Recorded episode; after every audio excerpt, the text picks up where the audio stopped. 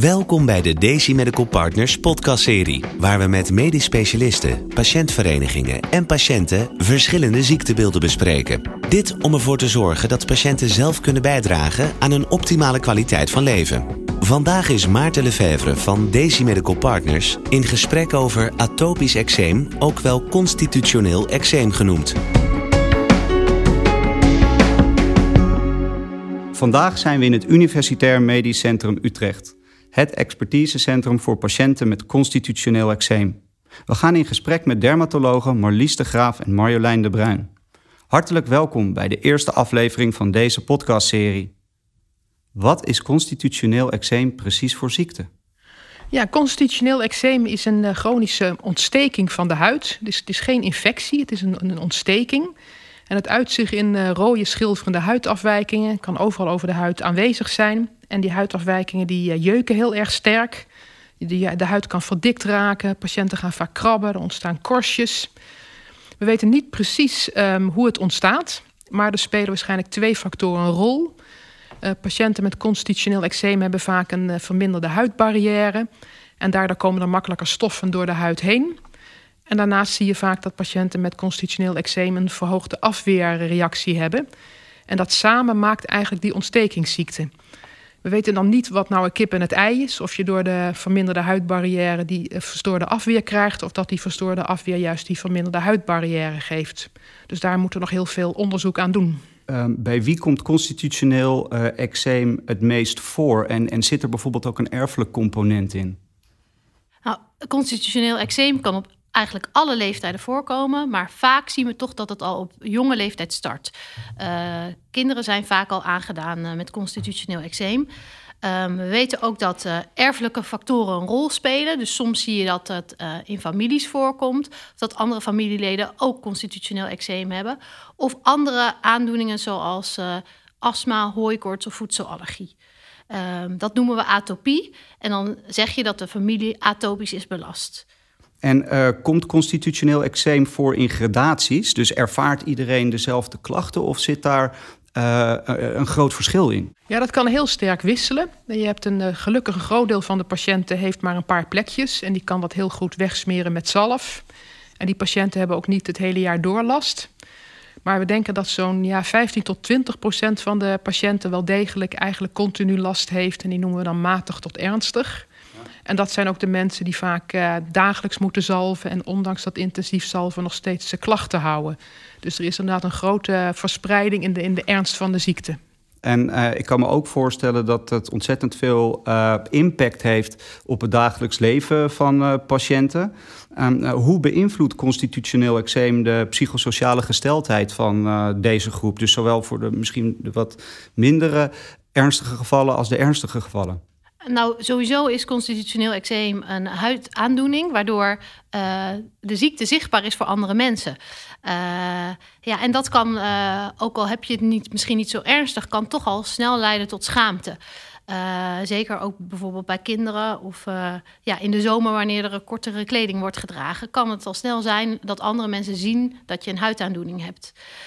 wat een andere grote factor is die ja, uh, beïnvloedt of je uh, lijdt onder het eczeem, is de jeuk die gepaard gaat met eczeem. Um, en die, ja, die kan uh, letterlijk gekmakend zijn. Um, en die, ja, die speelt te pas en te onpas op. Dus ook s s'nachts kunnen patiënten met constitutioneel eczeem echt wakker worden van de jeuk. Ja, en je kan je voorstellen dat als je wakker wordt s'nachts van de jeuk, dat je slecht slaapt. En dat dat ook je functioneren overdag heel erg sterk kan beïnvloeden. Ja, dat kan ik me voorstellen. Want hoe, hoe moet je daar als ouders mee omgaan als je, als je een jong kind hebt die de hele nacht uh, uh, ontzettend veel jeuk heeft? Ik kan me voorstellen dat dat ook slapeloze nachten met zich meebrengt. Um, hebben jullie het daar met ouders over? Daar hebben we het zeker met ouders over. En uh, ja, ouders zitten soms letterlijk uitgeput bij ons in de stoel op het spreekuur van, nou ja, ons kind uh, trekt het niet meer, maar wij eigenlijk ook niet, want uh, wij hebben ook slapeloze nachten van. Ja, en uh, ook adolescenten die natuurlijk overdag naar school moeten, die ja, kan het eczeem hun schoolprestaties of werkprestaties zeker beïnvloeden. Uh, dus ja, dat is iets waar wij als dokters uh, zeker ook aandacht voor hebben. Het is niet een kwestie van we moeten deze huid behandelen. We moeten ook kijken wat zijn de gevolgen voor deze patiënt van deze huidaandoening en hoe kunnen we daarin in ondersteunen. Ja, en als je adolescenten bedoelt, heb je het een beetje over de groep 16 tot 21 jaar, is dat correct? Nou, ietsjes jonger, eigenlijk de, meer de 12 tot 18 jaar. Uh, maar wat ik net zei over die nachtelijke jeuk geldt eigenlijk voor alle patiënten met eczeem. En zie je er een groot verschil uh, in, uh, in leeftijd als je dat zeg maar afzet tegen de klachten? Dus hebben kinderen andere klachten dan bijvoorbeeld mensen die boven de 40 zijn? Nou, als je kijkt naar de psychosociale impact, is het bij de, ja, de volwassenen ook met name het werkverzuim. We, ja. zien, we zien veel werkverzuim en ook dat patiënten minder geconcentreerd zijn op het werk. We hebben ook verschillende mensen die ook arbeidsongeschikt geraakt zijn vanwege het eczeem. Dus die, dat geeft wel aan hoe, uh, hoe enorm die impact is. We hebben daarom ook een maatschappelijk werker in het team die uh, ook kan helpen bij reïntegratie uh, in het werk. En we hebben natuurlijk een aantal beroepen die ja, heel moeilijk zijn voor patiënten met eczeem. Met name als je veel met vocht te maken hebt in de horeca of in de zorg. Maar ook patiënten die bijvoorbeeld chauffeur zijn, uh, piloot, uh, machines besturen. Dan mag je dus echt niet slaperig zijn. Dus dat zijn functies die soms echt uh, niet uitgeoefend kunnen worden door patiënten met eczeem als ze niet goed behandeld zijn. Hoe ervaren jullie dat werkgevers hiermee omgaan met deze patiëntengroep? Ja, dat is heel wisselend. Um, het, het, kan soms um, ja, merken wij toch dat werkgevers weinig um, ja, initiatieven tonen om deze patiënten weer goed te laten reïntegreren. Dat heeft ook te maken met uh, onkunde. Dat ze denken van ja, ik verwacht dat deze patiënt nooit meer beter gaat functioneren, want er zijn geen middelen voor eczeem. En ik denk dat het ook heel belangrijk is dat we werkgevers en bedrijfsgeneeskundigen ook meenemen. En dat er wel degelijk nu ontwikkelingen zijn in de behandeling van eczeem. Zodat een eczeempatiënt niet te gauw opzij gezet wordt. En um, als we kijken naar een, een onderwerp wat misschien uh, vaak iets moeilijker te bespreken is. Wat voor invloed uh, heeft constitutioneel eczeem op bijvoorbeeld de seksuele uh, ja, relatie die uh, patiënten hebben? Ja, dat kan enorme invloed hebben. Het is natuurlijk je huid die aangedaan is. Ja, de huid is belangrijk voor iedere vorm van intimiteit. Uh, patiënten vinden het vervelend als ze aangeraakt worden, want dat geeft meer jeuk. Dus daardoor zien we inderdaad dat er regelmatig ook relatieproblemen en seksuele problemen voorkomen. Ja, dat is een ja. belangrijk aspect. Het is ook belangrijk om te benoemen ja. um, in, in je consult. En daar heb je natuurlijk ook wat tijd voor nodig. Ja. En doen, doen jullie dat ook als uh, behandelaren? Of uh, hè, werk, je, werk je daarin multidisciplinair samen? En hoe gaat dat? Uh, ja, zeker ons team bestaat ook uit een verpleegkundige of een verpleegkundig specialist. zij geven heel veel aandacht aan factoren die van invloed zijn op het eczeem en hoe daarmee om te gaan. En zoals Marjolein net al noemde, um, heeft ons team ook een maatschappelijk werkster die ook kan kijken wat het eczeem voor invloed heeft ook op uh, in de relationele en werksfeer. Dus daar wordt zeker aandacht aan besteed en niet alleen door de dokter. En wij verwijzen ook nog vaak naar de patiëntenvereniging, de Vereniging van Mensen met Constitutioneel Eczeem, omdat deze vereniging heel actief is met chatforums en Facebookgroepen. En met name jongeren zoeken veel meer dat soort platforms op om dit soort dingen te bespreken. Uh, dat is natuurlijk ook online. Ja. ja en uh, uh, heeft de verpleegkundig specialist dan bijvoorbeeld ook contact met school? of met een sportvereniging? Of is dat juist weer iets wat meer bij de vereniging ligt? Um, nou, wij proberen ouders ook altijd ja, daarin uh, soort van op te leiden. Zij zijn, en, de, en de kinderen en de patiënten zelf natuurlijk, expert over hun huid. Um, dus hoe beter wij hen onderwijs geven in wat deze huidziekte betekent en hoe ze daarmee moeten omgaan, hoe beter zij dat in hun eigen netwerk kunnen uitdragen. En daar hoort dan sportclub en werk ook bij. En uiteraard kunnen wij daar een rol bij spelen als ze daarin vastlopen. Ja, ja, want als ik het zo hoor, dan uh, is die impact toch vrij groot voor de patiënten. Vooral uh, voor patiënten die natuurlijk uh, in een zwaardere, en zwaardere vorm hebben. Um, hoe adviseren jullie de omgeving om met deze patiënten om te gaan? het is met name, wat Marlies ook zegt, belangrijk dat de patiënt zelf leert om te vertellen wat hij heeft. Um, het is heel moeilijk voor ons als behandelaars om de omgeving te beïnvloeden. Dat kan eigenlijk alleen de patiënt zelf doen. En soms geven patiënten ook aan dat ze graag een partner of kinderen meenemen, zodat ze het ook eens van ons uh, leren. Maar primair is het de patiënt opleiden om zelf te vertellen wat hij heeft en hoe hij hoe zich voelt. Ja, ja, ik kan me voorstellen dat, uh, dat dat natuurlijk weer per patiënt verschillend is, omdat iedereen natuurlijk een ander karakter heeft. Uh, ervaren jullie dat als zorgverleners ook als een, als een grote uitdaging? En uh, ja, hoe werk je daarin samen met verpleegkundig specialist? Ja, de verpleegkundig specialist heeft daar een grote rol in. Um, die begeleidt de meeste patiënten. Um, dus wat we eigenlijk doen is, uh, de intake is vaak door de, door de artsen of de verpleegkundig specialist. En het vervolgtraject is veel door de verpleegkundige of verpleegkundig specialist. Ja, die, zijn, uh, die hebben veel handvaten om de patiënt echt te begeleiden. En ja. ook moeilijke dingen te benoemen. En ook patiënten te trainen. Ja, en krijgen jullie uh, daar van patiënten ook iets over terug? Hoe zij um, ja, het contact ervaren met zowel de specialist als met de verpleegkundig specialist? Nou, onze verpleegkundige specialist kan echt uh, wel continuïteit bieden. Dit is een soort uh, ja, vast gezicht voor onze patiënten. En dan merk je dat ja, zij heel laagdrempelig ook benaderbaar zijn voor de patiënt. En dat wordt als heel prettig ervaren. ook hebben wij de mogelijkheid om e-consulten bijvoorbeeld te sturen.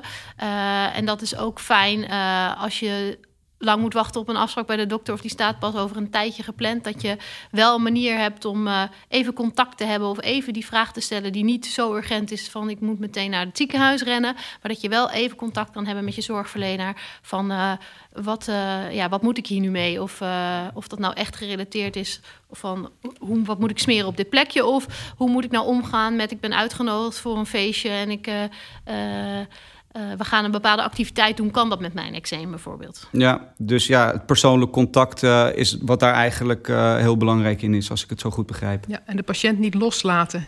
Ja. En dat is vaak wat gebeurt. dat ja. patiënten, die worden één of twee keer gezien en dan worden ze losgelaten. Maar de vragen blijven komen. Er zijn ook veel ontwikkelingen op het gebied van behandeling. Um, wat is momenteel het traject dat een patiënt met constitutioneel eczeem aflegt? Nou, we zien vaak dat uh, de patiënten eerst bij de huisarts terechtkomen. En soms daar al een hele lange periode hebben gelopen. En ja, uh, huisartsen starten dan vaak uh, behandeling met een vette zalf. Of soms met een wat lichtere hormoonzalf. Dat wordt ook wel dermatocorticosteroïde genoemd. En bij mild eczeem is dat helemaal goed. En zie je ook vaak dat ehm, dat, dat die behandeling goed aanslaat en is dat ook voldoende. Uh, wat patiënten zich wel moeten realiseren is dat het een chronische uh, huidziekte is. En dat betekent niet uh, dat je het kunt genezen. ik zeg altijd tegen mijn patiënten: ik kan u helaas niet genezen, maar ik kan het wel heel goed behandelen. Dat betekent dat als uh, je stopt met de behandeling, kan het een tijdje goed blijven gaan. Maar je ziet toch vaak dat het eczeem daarna weer terugkomt. Dat betekent niet dat het de, niet de juiste behandeling is. Dat betekent uh, hè, dat de ziekte opnieuw onderdrukt moet worden en dat je de behandeling opnieuw moet toepassen. Uh, ja, als dat onvoldoende is, die begeleiding bij de huisarts of de therapie slaat onvoldoende aan, dan. Uh, zijn dat vaak toch de patiënten met matig tot ernstig eczeem. dan zien we vaak dat dan een consult bij de dermatoloog nodig is. En die patiënten komen of bij onze collega's uh, in andere ziekenhuizen terecht of bij ons als uh, Nationaal Expertisecentrum. En is het ook zo dat de, uh, zeg maar de eerste lijn, de, huisarts, um, constitutioneel eczeem ook diagnosticeert? Of is het een beetje een schilfertje en je krijgt een zalfje en je mag weer naar huis? Of zijn ze echt bewust van dat dit een ernstige ziekte is? Um, nou, de diagnose zijn huisartsen soms uh, best adequaat in, kunnen ze stellen. Maar wat wij soms missen is dat ze uh, de patiënt te snel loslaten. Uh, dus inderdaad met een zalfje de deur uitsturen en zeggen succes, dit is wat ik kan bieden. en smeer het maar zonder uitleg te geven over hoe die zalf wordt gesmeerd. zonder een vervolgafspraak te maken om te horen of, de, of het ook daadwerkelijk heeft geholpen. Nou wil ik ook absoluut niet zeggen dat dat nooit goed gaat. Uh, en bij heel veel patiënten kan dat ook voldoende zijn. Maar die groep waarbij dat niet voldoende is, die heeft gewoon meer begeleiding nodig. En ja, je moet niet onderschatten wat voor een impact eczeem op uh, iemands leven kan hebben. Uh, want we weten gewoon, zoals we, ik net al vertelde, dat dat gewoon echt enorm het dagelijks leven kan beïnvloeden. Alleen al door de jeuk. Ja. Dus daarom is goede begeleiding en uitleg echt noodzakelijk. Ja, en, en eh, als zo'n patiënt dan um, uh, zeg maar met een salfje naar huis wordt gestuurd, terwijl die eigenlijk in zijn thuissituatie, hij of zij, toch ernstige klachten ervaart, wat adviseren jullie de patiënt dan uh, om te doen? nou, gaat zelf actief terug naar de huisarts. En leg uit dat je echt hebt geprobeerd om die zalf toe te passen en dat het onvoldoende heeft geholpen. En vraag of het mogelijk is om naar een dermatoloog doorverwezen te worden. kijk. Um, ja, we hebben bijvoorbeeld ook een, uh, een zalf-app ontwikkeld. Ehm, die eigenlijk alle patiënten die uh, zalftherapie in de vorm van vette zalven, maar ook hormoonzalven nodig hebben voor een huidziekte. Um, ja, die app kunnen zij gebruiken om te leren hoe die zalftherapie toe te passen. er staat wat uitleg over hoe je het veilig kunt gebruiken, hoe je het kunt afbouwen. Dus ja, die heet Zalf App Smeerwijzer. Ehm, die kun je gewoon vinden in de App Store. Ehm, en uh, uh, ja, dat zou ook een mogelijkheid zijn om daar eens in te kijken of daar uh, nieuwe ehm, informatie te vinden is hoe die zelftherapie toegepast kan worden. Ja, nou, dat is een hele mooie manier, denk ik, voor de patiënt om dan zelf een beetje regie in handen te nemen. Ja. ja en um, uh, als een patiënt dan wordt doorverwezen, kan ik me voorstellen dat hij wordt doorgewezen naar een perifeer ziekenhuis, dus het ziekenhuis in de buurt. Um, en misschien niet altijd naar het expertisecentrum. Uh, hoe ervaren jullie dat proces? Nou, ja, de meeste dermatologen in Nederland weten heel goed hoe ze een eczeem uh, moeten behandelen. Uh, dus in principe is het zo dat je echt prima terecht kunt bij een dermatoloog bij u in de buurt. ja, um, inmiddels, wij zijn het Nationaal Expertisecentrum, weten ook veel dermatologen ons te vinden. Maar ja, er zitten wel eens patiënten bij die toch wel, naar onze mening, erg lang hebben doorgelopen met een zeer ernstig aangedane huid. Waar wij ja, uh, ons afvragen, had hij niet eerder uh, goede behandeling uh, kunnen hebben? Dus het is goed om als patiënt te weten dat er meer behandelopties zijn. Um, en dat er ook veel in ontwikkeling is, zoals Marjolein net al zei. dus we horen nog wel eens dat patiënten te horen hebben gekregen: ja, ik weet het ook niet meer, ik kan niks meer voor u doen. Nou, dat moet een signaal zijn. Dan ga ik naar iemand anders op zoek die misschien wel wat voor mij kan doen. Ja, ja, en dat is het expertisecentrum. En hoe onderscheidt het expertisecentrum zich uh, van een behandelcentrum in de periferie, dus in het streekziekenhuis? Dus met name de tijd die wij besteden. Het is dus niet zozeer wat we voorschrijven, maar het is meer hoe we het voorschrijven en uh, ja, de tijd die wij aan een patiënt besteden. En een eerste consult duurt bij ons uh, een half uur tot uh, drie kwartier. En daarna gaat een patiënt nog naar de verpleegkundige toe. Dus die is zo'n uh, ja, anderhalf uur bezig. En ja. daar eh, kan hij een heleboel vragen stellen. Hij krijgt een heleboel uitleg. Vervolgens komt de patiënt nog een aantal keren terug. Eh, mogelijkheid tot e-consulten. Het is eigenlijk helemaal geen hogere wiskunde. Het is gewoon aandacht voor de patiënt, luisteren naar de patiënt en ja. ook frustraties en uh, ja, toch ook barrières bespreken. Ja. Ja, en, je, ja. en, en, het is niet zo dat wij alleen dat kunnen. Er zijn een aantal uh, ook perifere centra die hele goede eczeemzorg bieden. Maar het is, dat tijdsaspect is wel uh, een hele belangrijke. Dat kwam natuurlijk eerder ook op het uh, psychosociale vlak naar voren. Dat, uh, dat je goed begrepen wil worden. En ik hoor je net ook zeggen, uh, hè, het voorschrijfgedrag. er zijn natuurlijk verschillende vormen die je kan toedienen. En hoe verhouden biologicals zich tot traditionele medicatie? Nou ja, de behandeling van eczeem is eigenlijk een piramide. Je begint met uh, de neutrale zalven, goede doucheadviezen. Gaat dat niet goed, dan ga je naar de hormoonzalven toe. Um, gaat dat niet goed, dan kan je nog wat hormoonvrije zalven toevoegen, lichttherapie. En als dat allemaal niet lukt, of je kan je hormoonzalf niet goed afbouwen... dan ga je naar de traditionele onderdru afweeronderdrukkende medicijnen. Ja. Um, dat zijn um, voor een groot deel middelen die daar niet officieel voor geregistreerd zijn. We hebben in Nederland alleen cyclosporine als geregistreerde pil voor eczeem. Um, nou, dan eh, mocht een patiënt er goed op reageren, kan je daar um, een tijdje mee doorgaan. Um, het is niet goed in de richtlijnen beschreven hoe lang je daarmee door mag gaan. Dat is eigenlijk nooit goed onderzocht. Als een patiënt daar niet goed op reageert, het werkt niet of het heeft bijwerkingen, dan mag je een volgende stap maken. En dat is dan de biological, dat sinds 2018 op de markt is voor eczeem. Dus dat is nu eigenlijk de top van de piramide op dit moment. Ja, ik begrijp het. En heeft de patiënt uh, hier zelf ook een bepaalde vorm van invloed in? Of wordt dit echt uh, uh, in dit geval door de dermatoloog bepaald?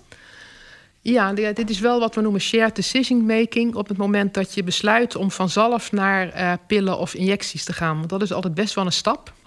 Um, voor sommige patiënten die hebben zo'n hekel aan zalven... en die willen die stap heel snel maken. Maar er zijn ook patiënten die zijn heel terughoudend voor wat we noemen systemische medicijnen. Dus medicijnen die ook in je bloed komen. En die willen heel lang doorgaan met zalf. Dus we hebben wel richtlijnen, maar uiteindelijk is het toch, je beslist je het samen met de patiënt. Ja. En bij de ene patiënt zal je dus sneller naar ehm, systemische medicijnen gaan dan bij de andere patiënt. ja, dus dat is echt persoonsafhankelijk. Absoluut. Ik ja. kan me ook voorstellen dat eh, als het eh, jonge kinderen betreft, dat je dan en met het kind en met de ouders in gesprek moet. Zijn daar, zijn daar voorbeelden van? Ehm, ja, zeker. Eh, eh, wij proberen altijd kinderen heel erg te betrekken, ook bij eh, hun eigen behandeling. Ehm, ja, officieel zeg maar vanaf 12 jaar hebben kinderen ook echt daadwerkelijk wat te zeggen. Eh, en vanaf 16 eh, nog meer. Maar ook de jongere kinderen eh, moet je toch meekrijgen in je behandeling. Want zij zijn degene die worden ingesmeerd. En als zij gaan tegenstribbelen en dat het thuis elke dag een strijd is om de behandeling toe te passen, ja, daar is niemand bij gebaat en uiteindelijk het kind al helemaal niet. Dus ja, we proberen altijd op een speelse manier het kind er ook bij te betrekken. Soms mogen ze zichzelf ook insmeren met een beetje hulp bij ons in de spreekkamer. Eh, zodat, en zel- mogen ze zelf een zalf uitkiezen bijvoorbeeld, zodat ze ja, de minst plakkerige of de minst stinkende zalf kunnen kiezen. Eh, want dat is ook heel erg eh, persoonlijk wat de voorkeur daarvoor is. Ja, Dus we proberen ja, zeker kinderen erbij te betrekken. ja, ja. ja, voor kinderen is het natuurlijk iets minder makkelijk te plaatsen, denk ik, dan voor volwassenen. Eh, dus mooi om te zien dat, dat, eh, dat er zoveel aandacht aan besteed wordt. En ehm, is de behandeling doorgaans gericht op het eh, verhelpen van de klachten of wordt de achtergrond ook behandeld? Ja, in feite zijn de behandelingen wat we noemen nog symptomatisch. Hè? Dus je, je behandelt de klachten van de patiënt en ook de ontsteking in de huid. Ehm, wij hopen in de toekomst steeds meer dat, naar, naar medicijnen te gaan... waarbij je mogelijk ook wat we noemen de ziekte moduleert. Dat je het kan beïnvloeden. Eh, bij het biological zou je dat theoretisch misschien kunnen doen... eh, maar dat vergt nog heel veel onderzoek. Dat zou dus inhouden dat je een tijd behandelt... en als je stopt, dat het wegblijft. Zover zijn we nog niet... Maar dat zijn wel dingen waar we ja, hopen in de toekomst eh, verder mee te komen. En zijn er dan ook nog eh, vooruitzichten in het verschiet eh, waar de patiënt hoop op kan vestigen? Is dat eh, een beetje de richting wat je nu bedoelt? Ja, kijk, we hebben nu één biological. Er komen er meer de komende jaren. Er komen ook nieuwe pillen op de markt. Ehm, en we hopen dat we ook meer straks, ehm, ja, wat we noemen personalized medicine, echt de patiënt specifiek kunnen behandelen. Dat we op basis van karakteristieken van een patiënt kunnen zeggen, nou, dit middel is voor jou het beste. Ja. En dat zie je in de kankergeneeskunde al veel meer. Dat je echt op het profiel van de patiënt behandelt. En naarmate wij meer eh, mogelijkheden krijgen in het behandelspectrum, hopen wij dat ook meer te kunnen doen. Het, het onderdeel patient empowerment eh, eh, is denk ik een beetje in lijn met shared decision making, wat je net zei. Ehm, wat adviseren jullie patiënten om te doen om meer regie te nemen over hun eigen ziektebeeld? Nou, in Nederland hebben wij, eh, zoals net al even is genoemd, een hele actieve patiëntenvereniging. Dat is de Vereniging voor Mensen met Constitutioneel Eczeem, de VMCE. Eh, en zij geven voorlichting en informatie. Zij ja, bieden ook die mogelijkheid eh, tot lotgenotencontact. En zij behartigen op ja, hoger niveau, op collectief niveau, ook de belangen voor, van mensen met constitutioneel eczeem. Dus ja, zij kunnen wel helpen om die patiënt sterker te maken in, eh, in zijn eigen behandeling eigenlijk. Dus eh, dat zou een, eh, een mooie manier zijn om daar contact mee op te nemen. Ja, ja, want ik kan me ook goed voorstellen dat bepaalde patiënten nu denken: ja, hoe ziet dan zo'n lotgenotencontact er dan uit? Ehm, eh, wellicht ook kinderen die zich dat afvragen. Kunnen jullie daar een voorbeeld van geven van lotgenotencontact, hoe dat, hoe dat werkt? Eh, nou, we hebben ehm, vorig jaar, 2019, hebben we de eerste Wereld Eczeem eh, eh, dag gehad. Eh, helaas door het coronavirus eh, is eh, dit jaar uitgesteld, maar zal zeker eh, naar verwachting in maart 2021 eh, gaan plaatsvinden. Ehm, en dat is een, ja, een dag waarop er zowel door artsen, maar eh, ehm, ja, ook eh, ehm, ervaringsdeskundigen, dus mensen met eh, constitutioneel eczeem, eh, met elkaar wordt gepraat over eh, ja, wat houdt het in om eczeem te hebben, hoe staan we ja, met de nieuwste ontwikkelingen op het gebied van eczeem. Er zijn workshops die gevolgd kunnen worden. Ja, dat is één voorbeeld van een activiteit die de VMCE organiseert, waarbij je dus en lo- lotgenotencontact plaats kan vinden en waarbij er ook informatie over eczeem uitgewisseld kan worden. Ja, mooi initiatief, denk ik. En ehm, eh, eh, ja, met betrekking tot die informatie zeiden jullie net al wat over de app. eh, die ontwikkeld is om patiënten met eczeem nog beter te ondersteunen in het dagelijks leven. Um, zou jullie nog een voorbeeld kunnen geven wat therapietrouw daarvoor betekent? Als je naar de app kijkt. Um, ja, in de app kun je ook je eigen zalfschema uh, invoeren. Uh, en via de app worden dan uh, herinneringen gestuurd naar je agenda. Waardoor als je dat wilt, je zeg maar je telefoon herinneringen kan geven van hey, het is tijd om nu je therapie weer toe te passen of je pillen in te nemen of je injectie te zetten. dus ja, als je daar behoefte aan hebt en, je, en het is iets wat nog niet in je systeem is ingebouwd, dat je dagelijks je therapie moet toepassen of soms wekelijks, dan um, kan je via die app kan uh, daarbij ja, een geheugensteuntje zijn, die kan je helpen daarbij. Wordt er al veel gebruik gemaakt van de app bij, uh, door patiënten die bij jullie onder behandeling uh, zijn? Ja, zeker. Wij bieden het ook aan actief bij ons op de spreekuren. we hebben een mooie flyer die we uitdelen. En ja, het mooie is dat die um, voor iedereen beschikbaar is, gratis. En um, dat we ook bezig zijn om hem te vertalen, zodat we hopelijk straks ook onze niet-Nederlandstalige uh, patiënten, uh, ja, dat die ook gebruik kunnen maken van de app. En ook mensen bijvoorbeeld in het buitenland. Dus dat is iets waar we nog mee bezig zijn. Nou, mooie ontwikkelingen. Hopelijk uh, komen ze snel uh, tot realisatie voor de patiënt. Um, we gaan een beetje naar het einde van de podcast toe. En uh, ik denk dat het misschien aardig is om te kijken of jullie nog concrete tips hebben voor patiënten. ik wil eerst graag um, eens kijken waar een patiënt aan moet denken in een gesprek met de huisarts of dermatoloog. Hè? Als we kijken naar het patient empowerment verhaal. Hoe moet hij zich voorbereiden bijvoorbeeld? Ik denk dat het belangrijk is dat de patiënt zijn eigen regie neemt. Dus dat hij heel duidelijk voor zichzelf weet: wat, wat wil ik? Wat wil ik met dit consult? Uh, wil ik alleen een zalfje en klaar? Of wil, ik, of wil ik uitleg? Wil ik mijn traject weten? Dus zelf goed voorbereiden, de regie nemen van wat je hulpvraag is. Ja, ja. En hebben jullie uh, een aantal algemene tips voor de patiënt die we als afsluiting kunnen meenemen? Ja, ik zou nog een beetje in aansluiting op wat Marjolein het zei, zou ik zeggen: uh, praat over de zorgen die je hebt. Uh, en niet alleen met betrekking tot het eczeem zelf, maar ook tot de behandeling. Wij zien toch heel vaak dat er angst over de behandeling, met name ook over het gebruik van hormoonzalven, bestaat, die niet altijd boven tafel komt. Terwijl als we daar open over kunnen praten, kunnen we daar heel veel uitleg over geven. Want je kunt heel veel behandelingen heel veilig gebruiken. Ja, en dan denk ik een hele belangrijke is: geloof niet alles wat op internet en op social media staat.